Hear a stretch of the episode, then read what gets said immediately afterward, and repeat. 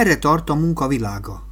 Juhos Andreával 2019. november közepén beszélgettünk erről.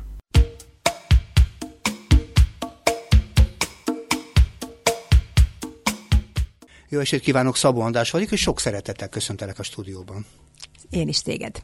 Szia. Örülök, hogy eljöttél, mert tulajdonképpen kicsit témát váltottunk. Az előző hetekben nagyon sok drámai történetről beszélgetünk, kicsit előre szeretnék most szaladni. A jövő munkáit szeretném veled megbeszélni. Egyszer valamikor hallottam, hogy te egy nagyon izgalmas előadást tartottál túl tudom Bécsben, és engem is foglalkoztat egy kicsit, hogy hogyan tudunk előre nézni. Pont azért, mert belegondoltam a saját életembe, és én amikor elkezdtem dolgozni, egészen más munkaviszonyok voltak. Kötött munkaidőben, 8 órában keményen dolgoztak az emberek döntő többsége. Most meg rengeteg embernek az a, az a terminus technikus, hogy home office-ban van, magyarul otthon dolgozik. Sokat változik a munkavilága. Ezt erre fel lehet készülni? Hát én azt gondolom, nem csak, hogy fel lehet, hanem fel kell készülni rá. Hmm. És hogyha már itt tartunk, hogy hogyan változik a munkavilág, akkor válaszok ketté. Tehát egyrészt, hogy hogyan változnak a vállalatok, és hogyan változnak maguk a munkakörök. Hmm. És talán kezdjük a munkakörökkel. Tehát ugye ez nem egy új dolog, hogy vannak olyan, olyan állások, olyan pozíciók, olyan munkakörök, amik megszűnnek. Ugye erről szólt tulajdonképpen a 18. században a ludditáknak és a mozgalma, ugye, mm. akik azért harcoltak, hogy az, attól féltek, hogy a, a textilgépek elveszik az ő munkájukat, és megpróbálták szétrombolni a, mm. a gépeket. Um, tehát ez nem, és neki se sikerült, tehát ez nem egy nagyon jó stratégia. Mm. Tehát én azt gondolom, hogy arra kell fölkészülnünk, hogy vannak, igen, lesznek olyan munkakörök, amelyek megszűnnek, és ahogy említettem, ez nem egy újdonság. Aztán lesznek olyan munkakörök, ahol nagyon intenzíven kell együttműködnünk a, a mesterséges intelligenciával, a technológiával, a robotokkal adott esetben, és ezt akár szívesen el is mondok majd egy konkrét példát a mi cégünkből, és aztán lesznek olyan munkakörök, amelyekről most még nem is tudunk. Mondok olyat, mi... tudsz olyat? Mondok, hogy a SEO, ki, mivel foglalkozik a SEO szakember? Hát ugye az a, a, a SEO szakember az már egy létező munkakör. Igen, tehát ez még nem friss, olyan... néhány éves. Igen, ezt igen, igen, tehát hogy abszolút, abszolút van ilyen, de mondjuk mondok egy olyat, ami még nincsen, szerintem. Igen, Viszont biztos, hogy lesz. Tehát én azt gondolom, hogy 10-15 évben belül biztos lesz egy olyan munkakör, egy olyan tanácsadói munkakör, ami arról uh, szól, hogy hogyan tudnak emberek robotokkal együttműködni. Tehát a, gyakorlatilag a, ennek a két entitásnak az együttműködésének a javításáról szóló uh-huh. tanácsadó biztos, hogy lesz. Rengeteg filmet lehet látni ilyen szempontból, működik a robot, és ilyen intelligenci android emberek jönnek, mennek, és próbálják kiszolgálni az embereket. Ugye erről beszélsz? Hát abszolút erről beszélek. Ugye vannak most már robotpincérek, uh-huh. meg vannak robotséfek, uh-huh. és én azt gondolom, hogy ez egy nagyon jó dolog. Ami, ami például nekem nagyon tetszik, az például az, hogy Japánban kitaláltak egy olyan, van egy olyan kávéház, ahol robotok szolgálnak ki, tehát ők a pincérek, emberek, de ezeket a robotokat a saját lakásukból megváltozott munkaképességű emberek irányítják. Uh-huh. Tehát tulajdonképpen, a, és ez szerintem például egy nagyon jó vonása a jövő, jövő munka, munkaerőpiacának, hogy sokkal többen fognak tudni részt venni a munkában. És nagyon sokszor nem kell már elmenni magára a munkakörre ahhoz, hogy te nagyon jól tudj dolgozni. Még egy nagyon érdekes egy a robotokkal, ami, ami engem például nagyon lázba hozott, és az pedig az, hogy lehet, hogy ez lesz a nyugdíjkiegészítésünk. Mert ugye ma már mondjuk egy robotot, mondjuk van egy szintén japán robot, amit Peppersnek hívnak, és az főleg idős gondozásban és a, és a betegek cipelésében tud szerepet vállalni. Na a lényeg az, hogy ez már kb. egy ilyen ezer dollárért megvehető. Tehát tulajdonképpen mi, ha majd nyugdíjasok leszünk, majd veszünk magunknak egy robotot, az beállítjuk mondjuk egy kórházba, vagy, hmm. egy, vagy egy, egy, egy idős, idős otthonba, és ő napi 24 órába fogja tolni, nem megy el szabadságra, nem megy el sztrájkolni, és az, amit ő megkeres, az a mi mellékjövedelmünk lesz a szép, mellett. Szép vízió, nagyon tetszik. De jó lenne, itt tartanánk, mert pontosan belegondoltam, amit mondtál, idős gondozásban mekkora szükség lenne a segítségre, ugye ez egy Szabad. csupa kényszerhelyzet, és hagyd nem mondjam a többi területét. Nekem mindig az az élményem, az én történetem, ez az, hogy én olyan szakmákat tanultam, hogy megszűnt. Tehát én ólom korszakban kezdtem el nyomdásznak lenni, és az ólom korszakkal együtt megszűnt az a munkakör, és nyilván helyette van most már internet, meg mindenféle egyebek, és másféleképpen készülnek el a könyvek, de megszűnt egy szakma. És valószínűleg arra is kell készülni ezek szerint, hogy csomó szakma meg fog szűnni. Abszolút. Hát mondok egy, még, még, egy, még egy szakmát, ami ma már nincs. Uh-huh. És szerintem a fiatal hallgatók nem is emlékeznek, nem is tudják, hogy mit jelent. Például a szemfelszedő, az egy nagyon jó kis szakma volt. Igen. Ugye ma már, mondom, a fiatalok nem is tudják, hogy mi az, és eszünkbe se jut senkinek, aki még tudna, hogy mi ez a szemfelszedő, hogy szemfelszedőz vigye a harisnyáját, mert uh-huh. kidobja.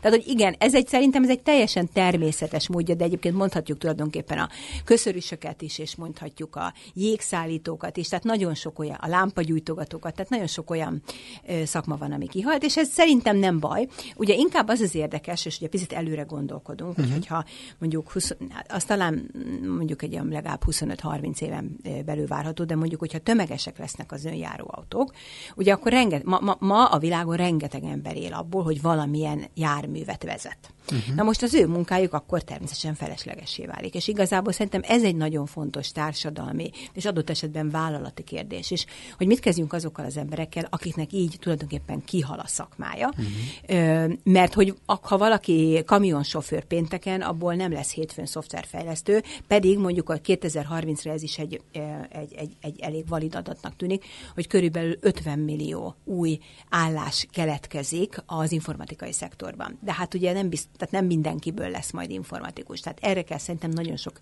energiát és erőforrás biztosítani. Hát, és, és erre van egy angol kifejezés, bocsánat, ami az, hogy reskilling. És erre most már, a, ami tulajdonképpen arról szól, hogy a, a képességeknek az újra termelése, vagy az uh-huh. újra pozícionálása, és azt gondolom, hogy erre most már vállalatok is fontos hangsúlyt fektetnek, és szerintem ez egy nagyon komoly kormányzati társadalmi feladat. Hát igen, ha tudjuk, hogy tudjuk, ha tudunk tervezünk, ha előre gondolkodunk. Nekem mindig az a kérdésem, ugye, hogy kicsit mindig el szoktunk szakadni, sok film segít nekünk abban, hogy elképzeljük a jövő munkahelyeit, és csomó ilyen álomszerű munkahelyet látunk, de azért hogy születnek ezek a munkák? Hogy azt mondtad, az információgazdaság termeli az új és új munkaköröket, tulajdonképpen szűnnek meg. Valahogy így születik folyamatosan az új munkakör, jól mondom? Igen, és hát ugye... nem, maga, nem kitaláljuk a munkahelyeket, hanem az következik a hétköznapi társadalmi életből. Ugye? Hát azt mondják a futurológusok, hogy, a, hogy az, hogy megszűnnek munkakörök, egyébként erre is mondok egy számot, sőt talán kettőt, 2030-ra Amerikában azt prognosztizálják, hogy kb. 73 millió munkahely fog megszűnni ezeknek a mhm. technológiai változásoknak a következtében. Magyar adat arra van, a McKinsey csinált egy tanulmányt, és arra az az adat, hogy 2030-ra körülbelül egy millió olyan munkakör van Magyarországon, amelyre valamilyen hatással lesz a technológiai fejlődés. Ami nem azt jelenti, hogy ennyi fog kihalni, de ahogy említettem, tehát a, szerintem a, az állások jó részében részében, vagy munkakörök jó részében sokkal intenzívebben fogjunk együttműködni a technológiával. És említettem, hogy szívesen mesélek egy saját példát is, tehát a mi hmm. cégünknek van egy chatbotja, amit Ellának hívnak, ami azt tudja, hogy ha mondjuk Amerikában egy mi ügyfelünk leül ezzel az Ellával beszélgetni, nyilván a hmm. képernyőn keresztül, és elmondja neki, hogy ő mondjuk egy marketing igazgató, és a keleti partvidéken keres marketing igazgatói állást egy Fortune 500 cégnél, tehát egy jól menő amerikai cégnél, akkor ez Ella ezt megérti, elmegy, és körülbelül 10 másodpercen belül egy olyan listát tesz az illető elé, hogy ezek azok a vállalatok, amelyek most marketing igazgatót keresnek a keleti partvidéken ezeknél a cégeknél. Tehát gyakorlatilag átveszi ezt a fajta nagyon sziszifuszi munkát, amit egy ember nem is tud, nem hogy 10 másodperc alatt nem tudna megcsinálni, hanem 10 nap alatt, vagy akár 100 mhm. nap alatt se biztos, hogy meg tudna csinálni. Tehát, és, és ez azt jelenti, hogy például mi, az én saját munkaköröm is ezáltal változik, hiszen ezzel ezzel nem kell foglalkoznom, ami igazából tényleg csak egy adatbányászkodás, erre sokkal jobb a, a technológia, hanem én tudom az embernek azt a, a, azokkal a problémáival foglalkozni, ahhoz, amihez viszont még mindig ember kell, amit nem tud átvenni se egy robot, se egy chatbot. Eszembe jutott például egyszer azt hiszem a Csíkszentmélyi Mihálynak egy könyvét, azt hiszem neked is ajánlottam, hogy a, a munkavállalói szerepekről szól, uh-huh. hogy tulajdonképpen más is lesz a munkavállalói szerep, mert ugye azért rengeteg munkahelyen ma is úgy van, hogy az emberek önmegvalósítanak. Azért mennek arra a munkahelyre, mert ott aztán ki lehet bontakozni, és be lehet mutatni. De amiről te beszélsz, itt sokfajta részfeladatok tulajdonképpen erre már nincs is szükség. És tulajdonképpen egy kicsit más lesz a munka szerepe is az életünknek, nem az önmegvalósításról szól, hanem annak a lázas keresésre, hogy mit fogunk csinálni szabad időben délután. És milyen jó lesz, nem? Igen. Azért azt, azért azt picit vitatkoznék veled abban a szempontból, hogy, hogy persze minden ember, ugye ez a maszlói piramos tetején ez az önmegvalósítás áll, és hogy minden ember ugye arra vágyik, hogy önmegvalósítson a munkában. De azért ez azért nem olyan nagyon sok embernek adatik valósítik meg. Tehát azért a munkák egy jó része ma is olyan, ahol nem nagyon tudod önmagvalósítani magadat. Ezt mondja a Csíkszemélyái is, amit te mondasz. Pontosan azt mondja, csak van egy időszak, és azon kell tovább lépni. Sok ember számára nem az önmegvalósítás. Nagyon keveseknek adatik meg ez a lehetőség. Ez nem is biztos, hogy egy százalékban lehet mondani, ha sokkal kevesebbe. Itt tulajdonképpen inkább arra, és nagyon rosszul kondicionáljuk a gyerekeket, mert mindenki önmegvalósító munkájákról fantáziáltatja a gyerekeket, sok esetben pedig nem arról szól a dolog, hanem arról szól, hogy tudja, hogy miről szól az élet, élete, és ebben mi a szerepe a munkának. Lehet, hogy a munka lesz a főszereplő az életében, de lehet, hogy az a fajta háttér, ami biztosítja az ő kibontakozását. Így van, tehát szerintem az önmegvalósítás önmagában nagyon fontos, de az nem biztos, hogy a munkából jön. Tehát Erről az fontos, hogy valaki mindenki megtalálja azt a uh-huh. szegmensét az életének, amiben, hát ha már Csiceniájánál tartunk, amiben flóba vagy áramlat élménybe tud kerülni, amit imád csinálni, és gyakorlatilag bármit, bármikor csinálná.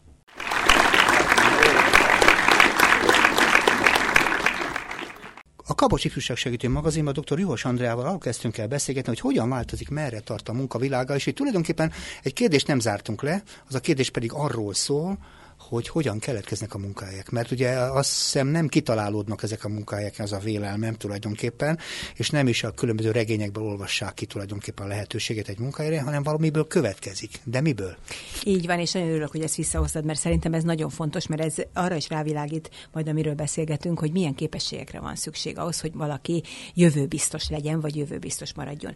Szóval szerintem az új, új munkaköröknek a, az egy része az, az nyilván egy ilyen technológiai változásból következik. Tehát mm-hmm. mondjuk tíz évvel ezelőtt nagyon sok appfejlesztő nem volt. Igen. Mert ugye nem, nem, nem mindenkinek volt okostelefonja, vagy még 15 évvel ezelőtt, és az okostelefonokon nem volt ennyi applikáció, amit használtak. Ez például egy teljesen új ö, munkakör. Ugyanez talán igaz, a, a, vagy biztosan igaz a, mondjuk az önjáró, önvezető autó tervezőkre, uh-huh. szenzoroknak a tervezőire. Ez sem nagyon volt, ezt is, ezt is a technológia hívta elő. Uh-huh. De aztán vannak olyan állások, amelyek nem így keletkeznek, hanem például mondok egyet, ami tíz évvel ezelőtt nem volt, ma meg, ma meg egy nagyon jó szakma, és nagyon jól meg lehet belőle élni. Angolul mondom, ez az Employer Branding Specialist, ami magyarul arról szól, hogy munkáltatói márka szakértő, vagy tanácsadó. Hmm. Ami ugye arról szól, hogy ők abban segítenek a vállalatoknak, hogy ezek a vállalatok hogyan jelenjenek meg a közösségi médiában, hogyan jelenjenek meg egy, egy állásbőrzén, és így tovább. Tehát gyakorlatilag kialakítják egy adott szervezetnek a fiatalos és attraktív imázsát. Uh-huh. Na most ez nagyon, mondjuk tíz évvel ezelőtt biztos, hogy nem volt egy ilyen munkakör. Ezt is egyfajta igény hozta létre, nyilvánvalóan, mert a cégek változtatni akartak, ki akarnak tűnni, mások akarnak lenni, azt akarják, hogy a fiatalok be, be tudják vonzani. Na most ez valószínűleg úgy alakult ki, hogy volt egy igény, és volt egy pár olyan ember, aki azt gondolt, hogy hát ez, ez nekem van közöm, én ezt szívesen csinálnám. Uh-huh. És, és akkor ők tulajdonképpen így kvázi saját maguk maguk számára megteremtették ezt a, ezt a eddigi hiány, hi, hiányzó szakmát. Uh-huh. Ugyanez igaz most már azért nem minden cégnél, de nagyon sok cég, vagy több cégnél van úgynevezett boldogságmenedzser, vagy hangulatmenedzser. Uh-huh. ami nem úgy keletkezik, hogy egyszer egy ügyvezető igazgató, vagy vezérigazgató a fejére csap, és azt mondja, hogy hú, hát eddig nincs nekünk boldogságmenedzserünk, hát holnaptól legyen, és akkor azt mondja a HR osztályának, hogy akkor most vegyél fel egy boldogságmenedzsert. Hanem ugye ez a, ez a hangulatmenedzser, ez az az ember, aki, aki szól, hogyha hideg van a meeting szobában, szól akkor, ha nem jó a kávé, megszervezi a karácsonyi bulit, és így tovább. És így, tehát aki tulajdonképpen azért van, hogy az emberek ott az olyan munkája jól érezzék most a HR-esek is. Egy pár HR-essel beszéltem nem túl régen, azt mondta, hogy nagyon megerősödött az igény, hogy a munkáján jobb minőségű legyen az közélet, és a közhangulat, és a HR-esek sokszor azzal foglalkoznak, hogy a születésnapot is megünnepeljék, hogy tulajdonképpen megdicsérjék, ha valaki fodrásznál volt, szóval egy csomó elemi személyes történet, ami igen, igen, és van olyan, van egy, általában ezek az úgynevezett boldogságmenedzserek az HR területére tartoznak, de hogy, de hogy ez például, hogy hogy alakul ki egy ilyen szakma. Tehát nem úgy, hogy valakinek eszébe jut, hogy kell nekünk, és rekrutáljunk Persze. egy boldogságmenedzsert, uh-huh. hanem inkább úgy, hogy valaki ezt már eleve csinálja. Igen. Tehát neki ez fontos, ő mondjuk a szervezet tyúkanyója, vagy ő az, aki elég asszertív ahhoz, hogyha ha, ha nincs kávé, vagy nem jó a kávé, akkor mer szólni annak, aki, aki erről uh-huh. tehet. Úgyhogy, úgyhogy szerintem és akkor visszatérve arra, amivel kezdtünk, hogy miért, miért fontos ez a téma szerintem. Azért, mert az egyik nagyon fontos olyan képesség, ami a 21. században biztos, hogy kell, az ez a fajta proaktivitás. Uh-huh. Tehát az, hogy ne várjam azt meg, hogy letegyék elém a vörös szőnyeget. Nagyon sok olyan, ahogy említettem, nagyon sok olyan munkakör állás van, amit az emberek saját maguknak tulajdonképpen kreálnak. Egy nagyon érdekes példa erre egyébként, a Google-nél van egy úgynevezett Google filozófus, tehát cégfilozófus, uh-huh. akinek az a dolga, ő egyébként egy filozófus is, tehát az az eredeti végzettsége, mm. és nem csak ezt csinálja, nyilván ez egy ilyen mellékállás. Ez egy alkalmazott tudomány. Igen, egy, igen, és arról do, az a feladata, hogy arról beszélgessen a vezetőkkel, hogy azok az újítások, meg az az új gondolkodásmód, illetve tulajdonképpen lét, amit létrehozott a Google, vagy ami a létrejött a Google segítségével, az hogyan hat a társadalomra. Uh-huh. Hogy milyen előnyei vannak, milyen hátrányai vannak. Szerintem például ez egy nagyon izgalmas dolog, hogy ez egy ilyen munkakörökre már van igény, és hogyha valaki filozófus, akkor ezt így be is tudja Érdekeset mondasz, és egyfolytában azzal a fejem, hogy a munkaköröknek van egy része eléggé individualizálódik. Tehát mindenki önálló és ebben az értelemben alkot. Másrészt pedig ugye minden munkaszervezet végül is egy kollektív munka, egy együttműködések kényszerül gyakorlatilag nem csak kommunikációban, hanem feladat szervezésben is. Hogy lehet ebben az új világban arra gondolni, hogy hogyan tudunk összetartozni? Tehát a, egy cég azonossága nem csak a brenddel foglalkozó szakember kérdése, hanem annak az érzése is, hogy ezek így is érzik magukat a munkáján. Igen, tehát ebben az egy hajóban nevezünk című igen, igen. Hát ugye erre is nagyon ér, erre is például, például ezen is dolgoznak ezek az úgynevezett munkáltatói márka szakértők, mm. akik azt próbálják meg, abban próbálnak segíteni embereknek, hogy meglegyen ez a közösségérzetük. Én szerintem a közösség az egy hihetetlen fontos, hát nem is tudom, tere lesz a jövőnek.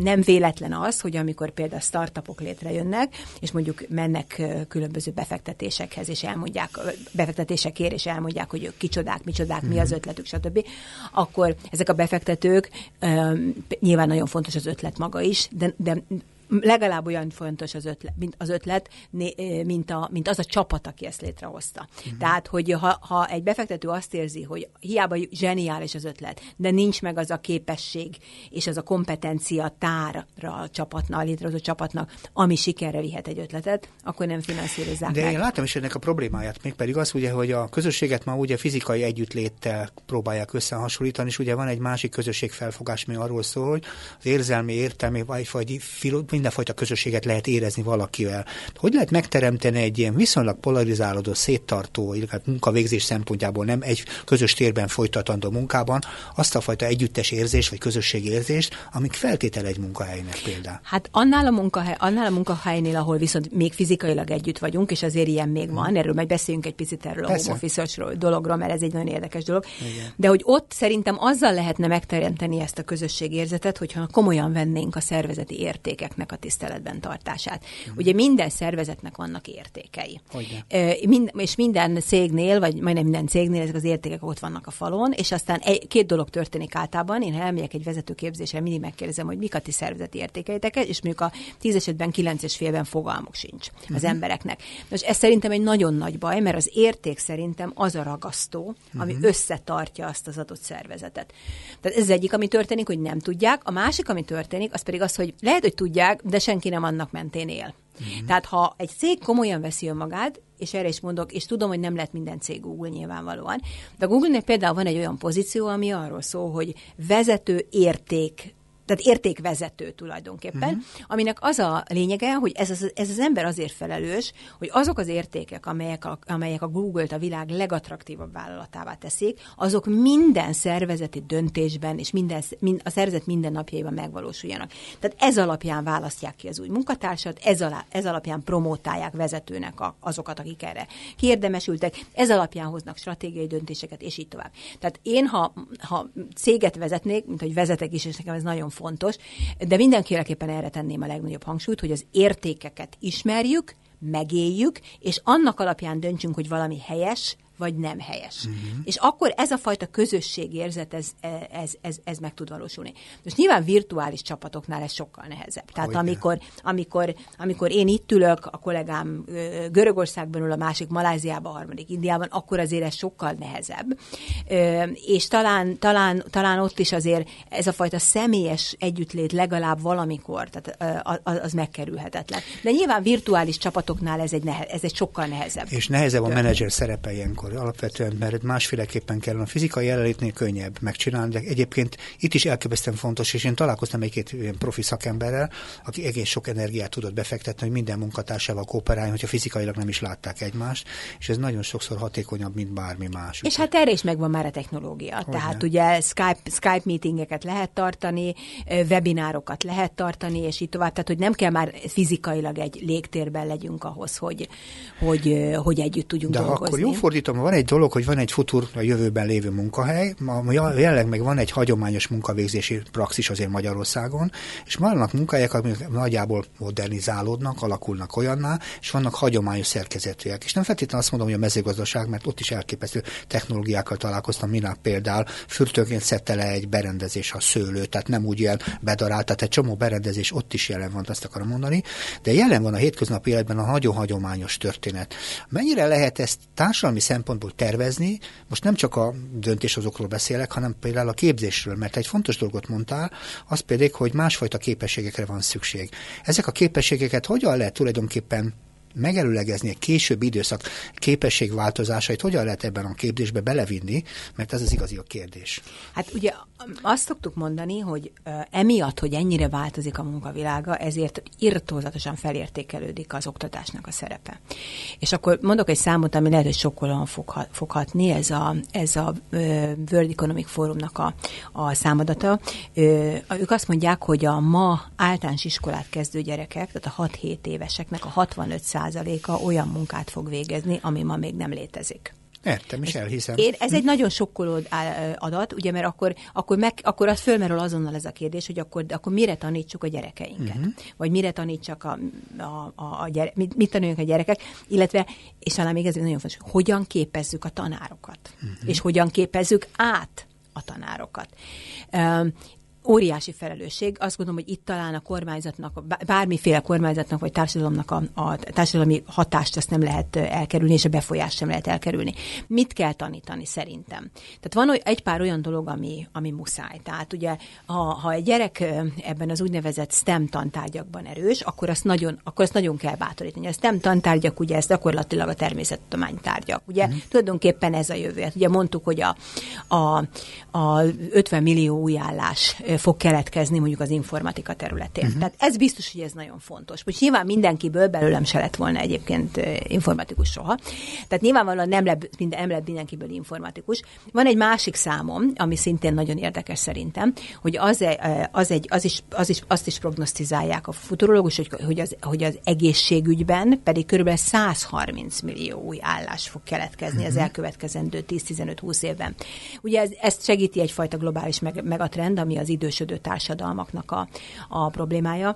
Hogyha már jövőről beszélünk, akkor szerintem megkerülhetetlen azt a Noah Hararinak a nevét megemlíteni. Ugye ő egy ilyen nagyon elismert izraeli futurológus, akinek minden könnyen megjelent már magyarul is. Az egyik például a Homo sapiens, a másik a Homo Deus.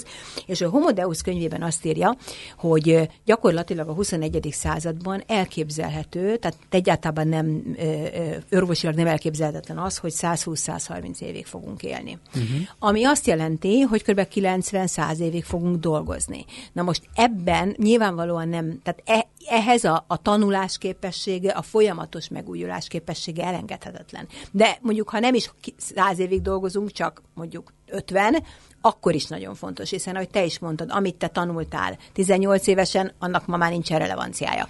Amit én tanultam 18 évesen, vagy amit az egyetemen tanultam, annak egy töredékét használom ma a munkámban. Tehát a következő ilyen képesség, amit, amit szerintem meg kell ö, tanulnunk, vagy meg kell őriznünk, ez a, ez a tanulásra való igény. Uh-huh. A folyamatos, folyamatos önfejlesztés.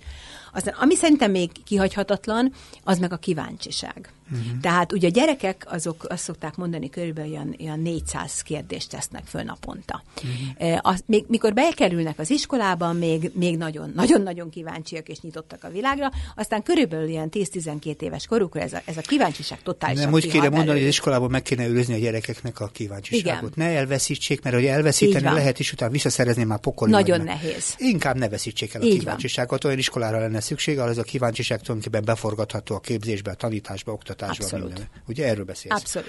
Igen, csak ugye ez folytában, én mindig ugye a jövőről gondolkodom, és ugye ifjúsági típusú műsorról van szó, szóval mindig a gyerekekbe gondolkodom, és az az érzésem, hogy sokszor azért a munkára való felkészülés ugye tudatalatta is történik, mert ugye az iskola sem túl sokat foglalkozik a munkával, meg tulajdonképpen a nyilvánosság se, ezért a gyerekek be vannak szorulva a saját szüleik munka mintáiba, ez egy nagyon sajátos ilyen családi job skill, így is lehetne mondani, és valahol, mikor a gyerekek megjelennek egy munkahelyen, valószínűleg egészen mással találkoznak, vagy éppen úgy be vannak zárva negatív élményként, hogy, hogy tulajdonképpen hogyan lehet egy, egy olyan skillt, egy olyan fajta jövő munkahelyre kapcsolatos skill például kicsit felerősíteni, erősíteni a gyerekekben, mert azt mondtad, egyetértek el, hiszen 65%-a nem az a munkahely, amit még valaha is bármelyikünk tudna. Tehát hogyan lehet ebben a skillben, job skillben segíteni? Mert az a helyzet, ez, ez tulajdonképpen fogva tart mindenkit.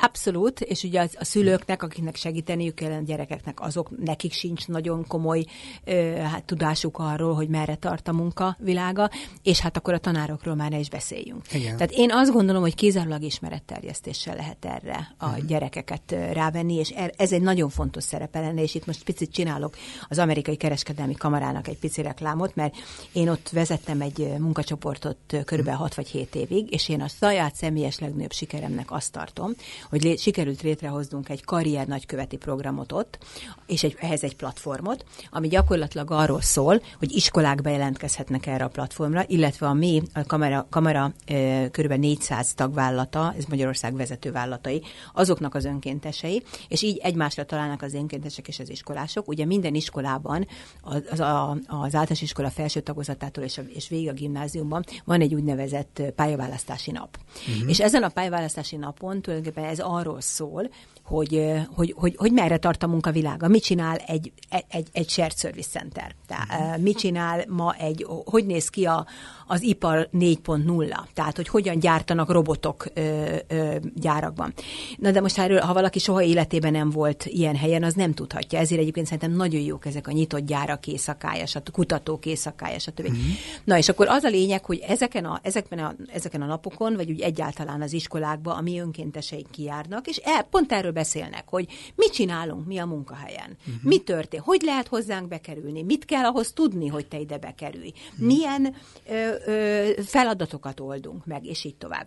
És ez annyira sikeres volt, lett ez a program, hogy tulajdonképpen egy picit meg is fordult, egyébként pont a tanároknak a kérésére, akik azt mondták, hogy nagyon jó, ha az önkéntesek ide kijönnek hozzánk, de mi is szeretnénk elmenni egy munkahelyre, mert mégis más, ha látunk egy teljesen robotizált gyárat, vagy ha látunk egy olyan céget, ahol az amerikai piacra dolgoznak kizárólag, és nekik könyvelnek, mert akkor kicsit más a gyerekeknek a gondolkodás. Mondja. Na és akkor ez is, ez is megvalósul. Tehát van egy csomó olyan vállalat a, a kamara tagvállalatai közül, akik fogadnak iskolai ö, osztályokat. Uh-huh. Tehát ez az egy, szerintem ez a, az információ átadás, ez nagyon fontos lenne, és amit még legalább ilyen fontosnak tartok, az a tanároknak a továbbképzése. Uh-huh. Most olvastam egy nagyon érdekes sztorit, hogy Dublinban, vagy hát Írországban például, a ta, aki tanárként végez, egy évig el kell mennie dolgozni egy munkahelyre, és csak utána mehet el tanítani. Hmm. És szerintem Abszolút. zseniális. Így van, egyetértek. És nem csak az, az elején kellene elmenni, mielőtt elmegy tanítani, az is nagyon fontos, de én nagyon hinnék ebben, ugye ez, ez Amerikában van ez a sabbatical, tehát ez a karrier szünet év, ami gyakorlatilag 8-10 év után az egyetemi oktatók megkapnak, ami arról szól, hogy most te nagyon sokat tanultál, tanítottál, nagyon sokat készültél, kutattál, stb. jár neked egy év szabadság, uh-huh. amit gyakorlatilag azzal töltesz, amivel akarsz. Tehát ha könyvet írsz, akkor azt, ha elmész a lábadat lógatni, mert föl akarsz töltödni, akkor azt, ha elmész önkénteskedni Afrikába, akkor azt, de töltődj föl.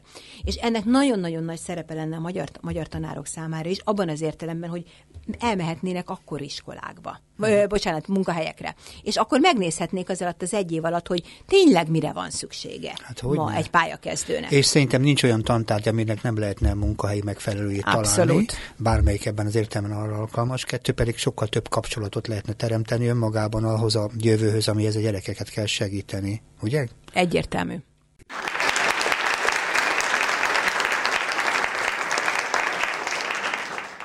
A Kapos Ifjúságsegítő magazinban dr. Juhas Andrea a karrier tanácsadóval arról kezdtünk el beszélni, hogy hogyan változik és merre tart a munkavilága, és mi is tartunk ebben a beszélgetés már elég messze. Sok mindenről beszéltünk, sok feltétel kell ahhoz, hogy azért belegondolunk, hogy mi lesz velünk.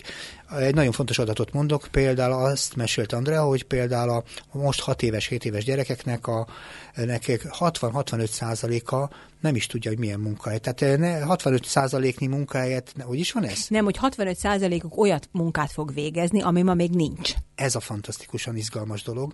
És akkor szegény iskolarendszer, aki tulajdonképpen az a feladat, hogy felkészítse a gyerekeket arra a dologra, ami lesz, milyen felnőttek lesznek, hogyan siat elébe, és most eszembe jutott sok dolog, és nem akarom magunkat aktualizálni. Itt a szakképzés olyan fajta, hogy is mondjam, öm, kicsit föltözragadt megközelítéséből kicsit előre lehetne nézni, kicsit futurisztikusan. Nem feltétlenül talán szakmákra kéne koncentrálni, hanem azokra, amiről te beszélsz, a képességekre. De itt egy fontos elemet még azért nem beszéltünk a kultúrát, mert azt mondtad, hogy egy csomó esetben az a fajta képességet kell fejleszteni, ami fogadni képes a változásokat, hogy erről beszélsz. És nem csak, hogy fogadni képes, hanem örül neki, és elébe megy. Ugye azt Aha. is mondtuk, hogy a proaktivitás ez egy olyan Igen. képesség, ami, amire nagyon nagy szükség van ahhoz. Tehát én mindig azt szoktam javasolni az embereknek, hogy évente, két évente üljenek le, saját magukkal, Igen. és nézzék meg, hogy ők mit csinálnak, nézzék meg, hogy konkrétan minden napjaikban uh-huh. a munkahelyen, nézzék meg, hogy merre tart a vállalatuk, merre tart az az iparág, ahol ők vannak, mert szerintem nagyon jól lehet látni, hogy például mik azok a területek, amelyek veszteni fognak a, a, a, a presztízsükből, munkaterületekre mhm. gondolok, vagy a jelentőségükből, vagy adott esetben akár ki is halnak, vagy eltűnnek, uh-huh. vagy ki, kiviszik ezeket a tevékenységet Indiában, mert az sokkal olcsóbb, uh-huh. és mik azok a területek, amelyek meg, meg izgalmasnak tűnnek, amelyek, amelyek fejlődnek, amelyre erőforrásokat biztosít a saját cégük. Úgyhogy, úgyhogy mert hogy érdemes arra felé orientálódni. Tehát, hogy szerintem ez egy olyan, ez megint ugye visszatérünk ehhez a kíváncsisághoz, proaktivitáshoz, amelyek nagyon fontos képességek. Még van egy pár olyan képesség, szerintem, ha már erről beszélünk egy kicsit, ami a jövőben nagyon, amire a jövőben nagyon nagy szükség van. És az egyik az, az pont az, amit ma még a robotok, a mesterséges intelligencia nem tud kiváltani, és ez az emocionális intelligencia. Uh-huh. Tehát az, hogy tudjam nevén nevezni a saját érzéseimet is, és tudjam dekódolni másoknak az érzését is. Szerintem ezt sose tudjuk átadni a robotoknak, és nem is kéne, mert ez talán ez bennünket megkülönböztet mindenfajta géptől és technikától. Ez így van. Úgyhogy azért az érzelmek, igen, ezzel egyetértek, és néha azt gondolom, arról is beszéltünk félig meddig, hogy csökkennek a munkaidők is. Azért arra emlékszem, én mikor elkezdtem dolgozni, 48 órát kellett egy héten dolgozni, és tulajdonképpen heti 6 napot dolgozott majdnem mindenki. Sokat váltott a dolog, most már heti 5 napot dolgozunk, 40 órában, van, és sok helyen ismerem, már megjelentek a 36 a négy napos munkahetek, kicsit fokozottabb, hogy szabadságot biztosító cégek, sőt megjelent a varázslat, ami elmúlt időben, éppen státuszszimbólumként minap beszélgetem pár ember, hogy én home office vagyok, magyarul otthon van, és kiváló lehet dolgozni. Megváltoznak a vállalatok, és megváltoznak a munkakörök. Ugye? És, és igazából teljesen igazuk van a vállalatnak, most ha csak nagyon racionális szempontokat mm-hmm. nézel, vagy veszünk figyelembe, ugye nyilván, hogyha egy csomó ember home office sokkal kevesebb iroda kell, a rezsiköltség sokkal alacsonyabb, és így tovább. Tehát, hogy, hogy ennek van abszolút racionális oka is, és, és meg is mhm. lehet magyarázni. Azt látom én most így az vállalatoknál, hogy nagyon sok olyan fiatal van, tehát mondjuk az Z-generáció például, akik most jönnek be a munkaerő, most fognak bejönni a munkaerőpiacra, uh-huh. hogy akik most végeznek, náluk az, hogy van-e otthoni munka lehetőség, az egy, az, egy, az egy döntő tényező. Tehát ha két, olyan, két ugyanolyan munkakörről van szó, mind a kettő érdekli őket, és az egyiknél van, a másiknél nincs, biztos, hogy oda fognak menni, ahol van lehetőség a, a, a, az otthoni munkavégzésre. Tehát ez egy, ez egy fontos szempont.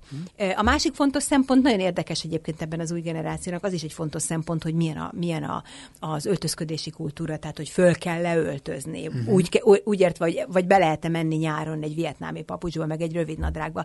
Ez is egy nagyon, ér, nagyon döntő szempont lehet abban, amikor a fiatalok munkahelyet váltanak. Uh-huh. Tehát én azért egyébként ezt látom úgy egyébként is, hogy ugye a leg, legkonzervatívabb öltözködési stílus az ugye régebben a bankoknál volt. És én látom már, sok banknál dolgozom, és látom már, hogy ott is sokkal kevésbé elvárás akkor, hogyha csak az irodában van dolgom, a, a fekete öltöny, fehér nyakkendő. És az igényes öltözetet változik. Csak az igényes öltözetet Igen, de az, lehet, de az lehet egy farmer is. Így van, adott igen. esetben, ha nem is minden nap, de a, a, a napok egy részén. Tehát ez is nagyon változik.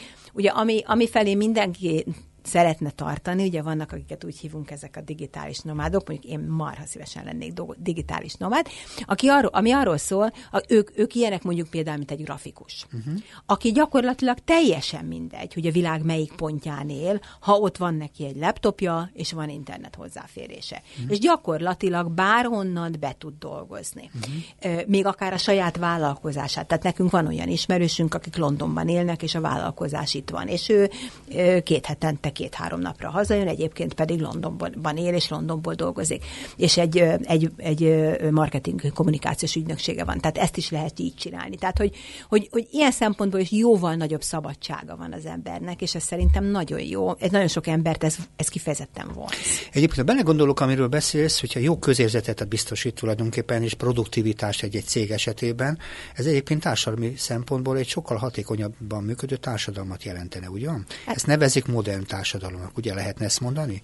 Abszolút, és ugye van, vannak erre kutatások, hogy mi az, ami az embereket motiválja, vagy, vagy ilyen áramlatélménybe teszi, és hát ennek a motiváció kutatásnak a, a legnagyobb, legelismertebb kutatója egy Daniel Pink nevű amerikai kutató, uh-huh. aki azt mondja, hogy alapvetően a következő dolgok kellenek ahhoz, hogy én jól érzem magam. Autonómia, tehát uh-huh. szabadság abban, hogy uh-huh. hol, mikor és mit csinálok.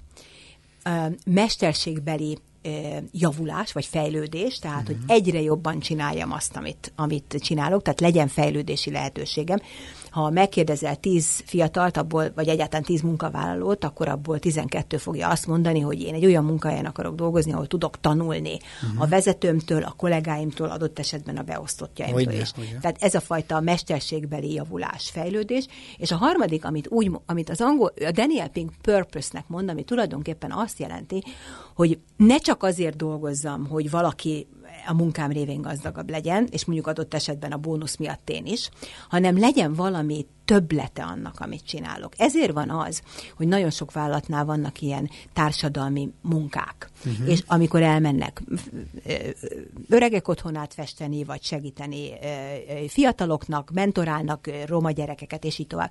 Mert az ember szeretne valamit, tehát szerintem eljön, eljön minden, minden szakember életében egy olyan pont, amikor azt mondja, hogy én szeretnék valamit egyrészt visszaadni, meg szeretnék hatást gyakorolni. Uh-huh. És hát ez a hatásgyakorlás, az pont ezekben a, a, a társadalmi elkötelezett kötelezettségű feladatokban tud legjobban Tehát, hogy hasznos és fontos tudjon lenni. Hogy azt érezzem, hogy hasznos vagyok, fontos vagyok, és nem csak azért dolgozom, uh-huh. hogy az egyik fogaskerek a más, be, beérjen a másik fogaskerékbe.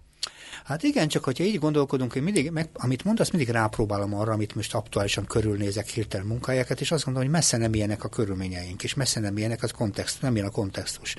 És ugye hogy lehet ebbe az irányba haladni? Mi az, ami ebbe az irányba erősít a folyamatokat, mi az, ami ezt visszafogja? Nyilván fontos ebben a döntéshozó is, meg vannak egy csomó olyan fajta felhívások a fejlődésben, a technológiában, akár a üzletben, vagy a piacon, ami tulajdonképpen ugyancsak erősíti a folyamatokat. Hogyan lehet ezt elősegíteni? Fontos-e tulajdonképpen ilyen szempontból a döntéshozónak, hogy előre gondolkodjon. Egyértelműen, hát, hogy hogyan lehet rajta segíteni, szerintem elsődlegesen a vezetőknek a jó kiválasztásával és a, és a fejlesztésével. Ezt úgy hívják, hogy választás, erre gondolsz? Hát akár így is hívhatjuk, igen, hogyha egy kicsit nagyobb kontextusban beszélünk, de hogyha vállalatoknál beszélünk, akkor az, az nagyon fontos, hogy próbáljunk meg eleve olyan embereket kiválasztani. Tehát ugye elmondtuk, hogy mik azok a képességek, amelyeket nem lehet átadni a technológiának, és még talán a kreativitásról nem is beszéltünk. Hogyne. Tehát kreativ kreativitás, emocionális intelligencia, kíváncsiság, az állandó tanulás képessége, a proaktivitás, a, a lelkesedés, a, ez a pozitív gondolkodás, ez egy kicsit lejáratott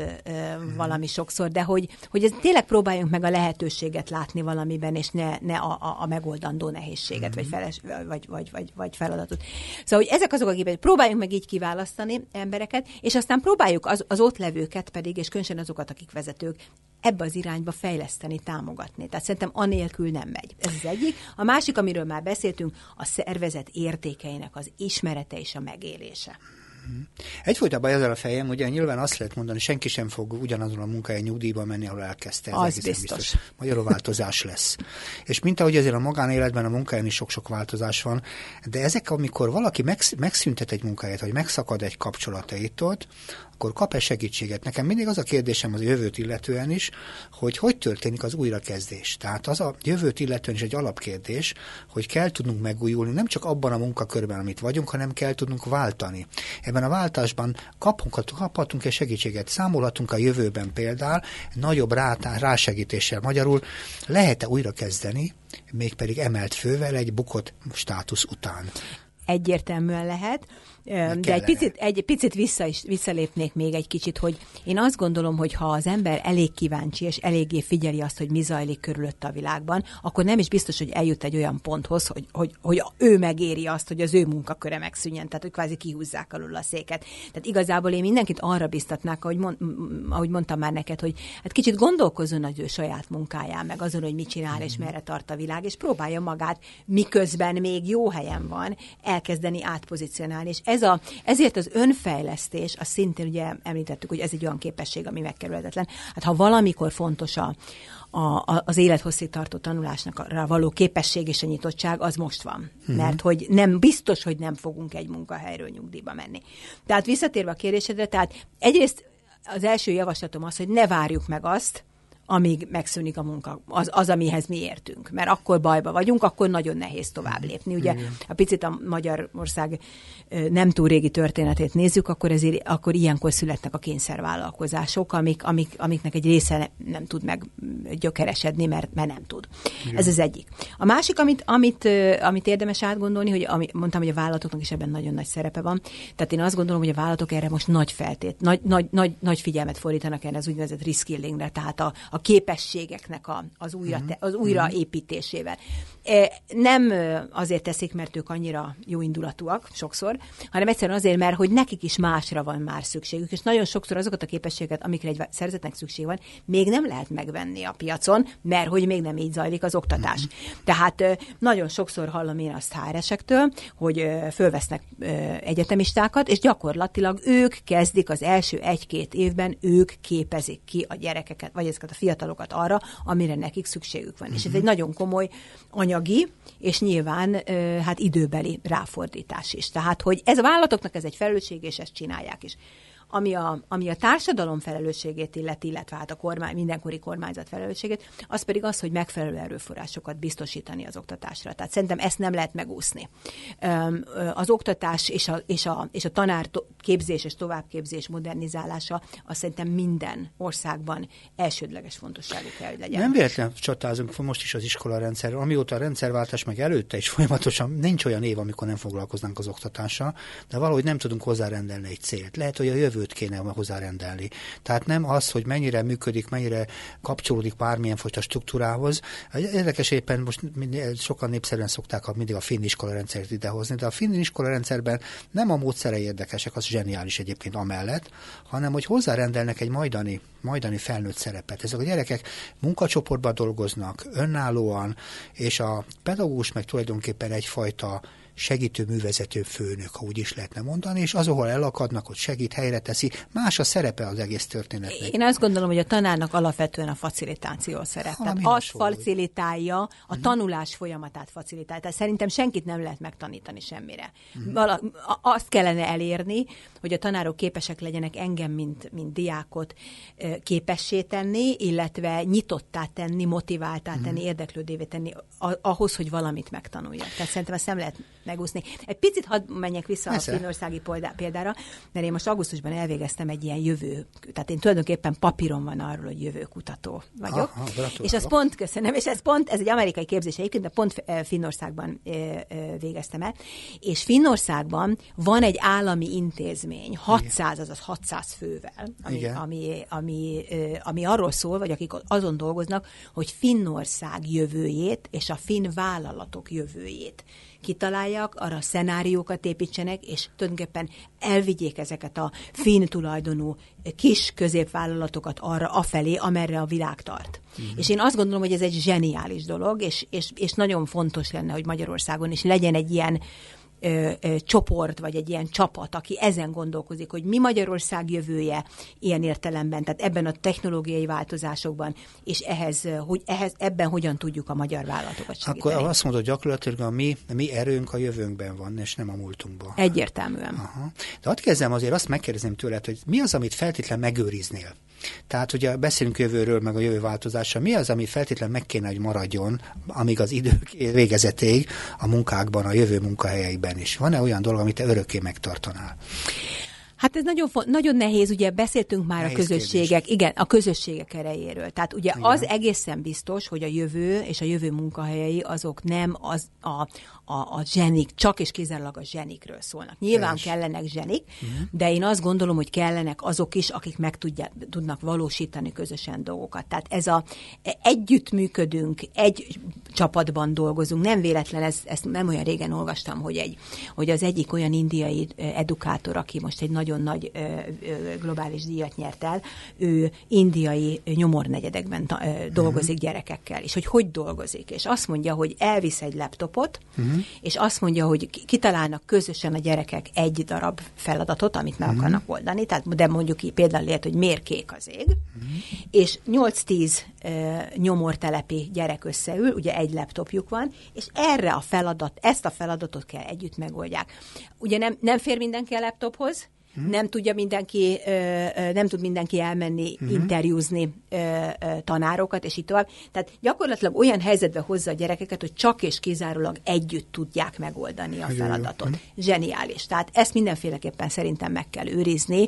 Nem tudom, hogy ez Magyarországon mennyire, mondjuk különösen az általános, illetve középiskolában mennyire elterjedt ez a csoportmunkának a felsőbbrendűsége, de reméljük, hogy az. Én úgy érzem egyébként, az, az iskolában jelen van ennek a módszernek az igénye, és sok-sok profi szakember tulajdonképpen az iskolában, iskolárendszerben ebbe az irányba halad. Tehát nagyon sok olyan pedagógiai módszerrel találkoztam itt a mikrofon mögött is, amiben olyanokról beszéltek a szakemberek, hogy ez az igazából a, a feladata vezérelt, közösségben együtt, elve, együtt elvégzett feladatok igazából, amik előre visznek. De azért kerestem az előbb a példában, amíg a finn példában is, ugye, mert itt a cél, hogy hova, hogy, hova, hova tudjuk tenni az erőforrásokat, hova célzunk, mi az igazi irány. És másik, hogy viszont meg kell őriznünk saját magunkat. Tehát az, a, amikor az ember e, továbbra is tud együttműködni másokkal, megmarad a szociabilitása egy cégnek, és noha nem beszéltünk róla, azt érzem, hogy a te jövő munkájába belefér, az, hogy igenis segítőkész marad. És azok, akik ebben az értelemben az ő helyzetük nincsen rendben, kötelessége, nem is csak feladat, a kötelessége arra odafigyelni, hogy mások helyzete jobb legyen. Ugye ez? Nagyon fontos, és egy nagyon fontos témát érintettél még, ami ugye a társadalmi mobilitás, ami ugye Magyarország nem áll Hogyne. nagyon jól.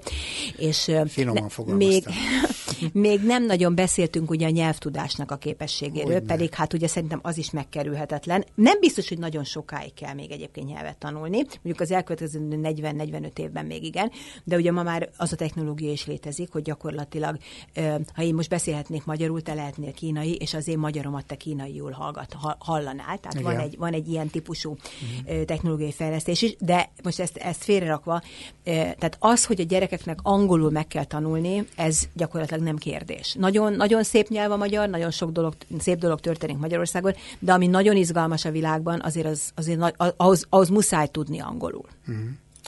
Ezzel legyen a szó a, a mai beszélgetés vége. Nagyon szépen köszönöm a beszélgetést, nagyon izgalmasakról beszéltünk, remélem a hallgatóknak is tetszett, nem kell feltétlenül. Köszönöm, hogy itt voltál, hallgassák tovább a civil rádiót, viszont hallásra.